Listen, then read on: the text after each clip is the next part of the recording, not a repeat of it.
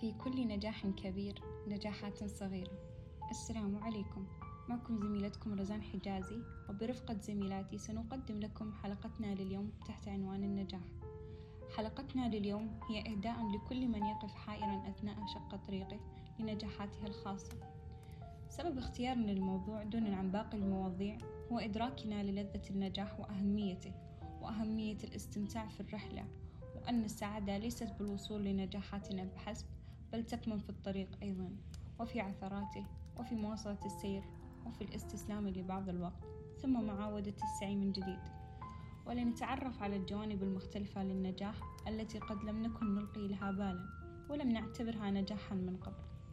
أعزائي المستمعين لنتوقف لبعض الوقت وليسأل كل منا نفسه ما الذي يجعل مني شخصا ناجح؟ ونحن بدورنا سنجيب عن هذا التساؤل.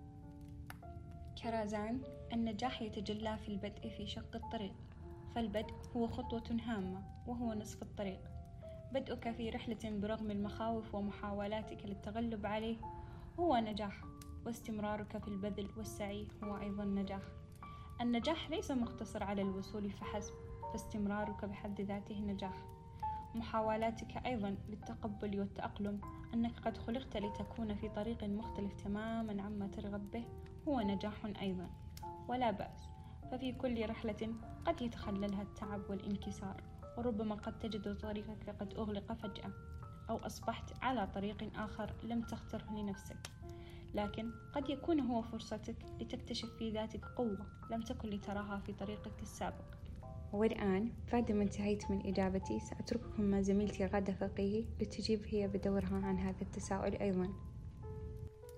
معكم زميلتكم غادة فقيهي تحقيق الهدف هو النجاح فالخطوات الفاشلة التي يمر بها الشخص في حياته والصعوبات التي يواجهها توضح جوانب إيجابية في شخصيته وتبين نعم كثيرة يغفل عنها فتكون دافع لنهوضه من مخاوفه وتزيد من قوة إصراره على تحقيق الهدف.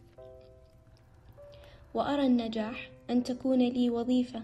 تعينني على متطلبات الحياة وأهداف أستطيع تحقيقها حتى لو كانت بسيطة وأن أرضى بما قسمه الله لي وأن يكون لي أصدقاء يشاركونني أفراحي وأحزاني ويفيدونني بخبرتهم وتجاربهم. والآن سأدعكن مع زميلتي لولوة. معكم زميلتكم لولوة الحصيني النجاح هو الثقة بالله. والتغلب على الصعاب والمشاكل من أجل تحقيق هدف سامي في الحياة. والنجاح هي البداية التي يحقق فيها الإنسان طموحه.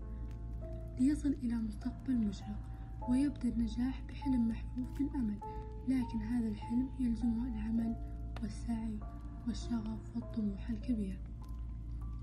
ليحقق الإنسان ما يريد. فالنجاح ليس مجرد رغبة وإنما هو سعي وأحلام يتم ترجمتها إلى واقع رائع ليصبح الشخص ناجحا. السلام عليكم معكم هند. الآن راح أذكر نصائح للنجاح. يشتمل النجاح صفات عديدة مركبة على بعضها لتوضح معناه ومن هذه الصفات الإيمان بأن كل الجهود المهمة يمكن أن تؤدي إلى الهدف المراد.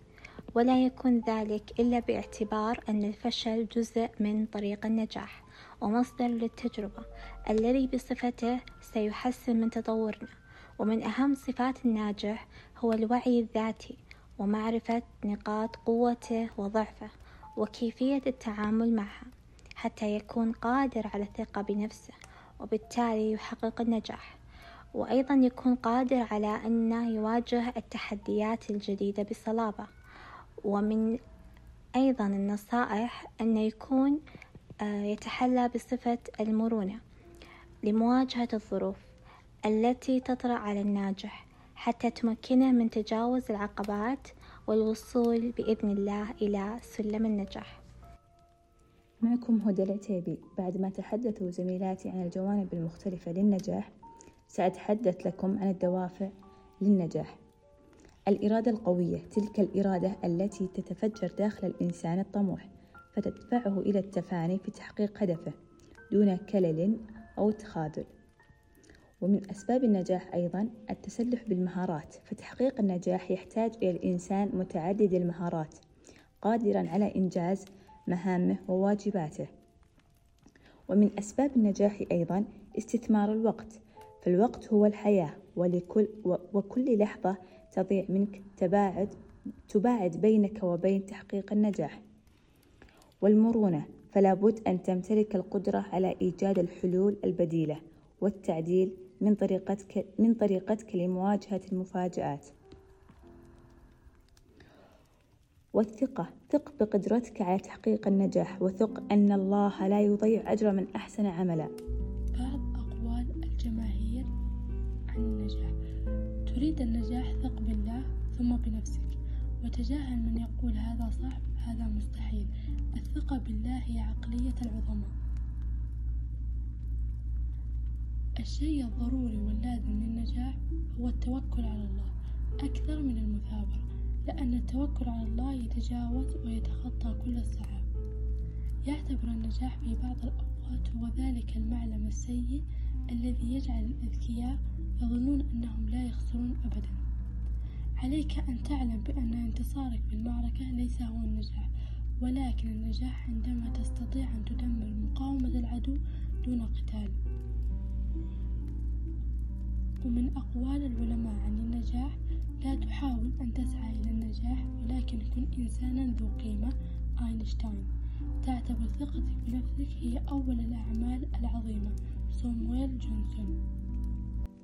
في الختام النجاح سر من أسرار الفرح والبهجة في الحياة وهو أعظم فرحة يحققها الإنسان مهما مرت عليه من أفراح خاصة أن النجاح يأتي بمجهود الشخص نفسه وينبع من ذاته لهذا يكون له التقدير الأكبر في عيون الناس. والآن سنترككم مع قصة نجاح الأستاذ محمد العبار رئيس مجلس إدارة شركة إعمار العقارية وإلى اللقاء. أنا لما عملت برج خليفة لا أنا مهندس ولا أبوي مهندس ولا عمري عملت عمارة طويلة. أنا طحت من أول محل كيك فتحته إلى محلات وانت بكرامة جزم.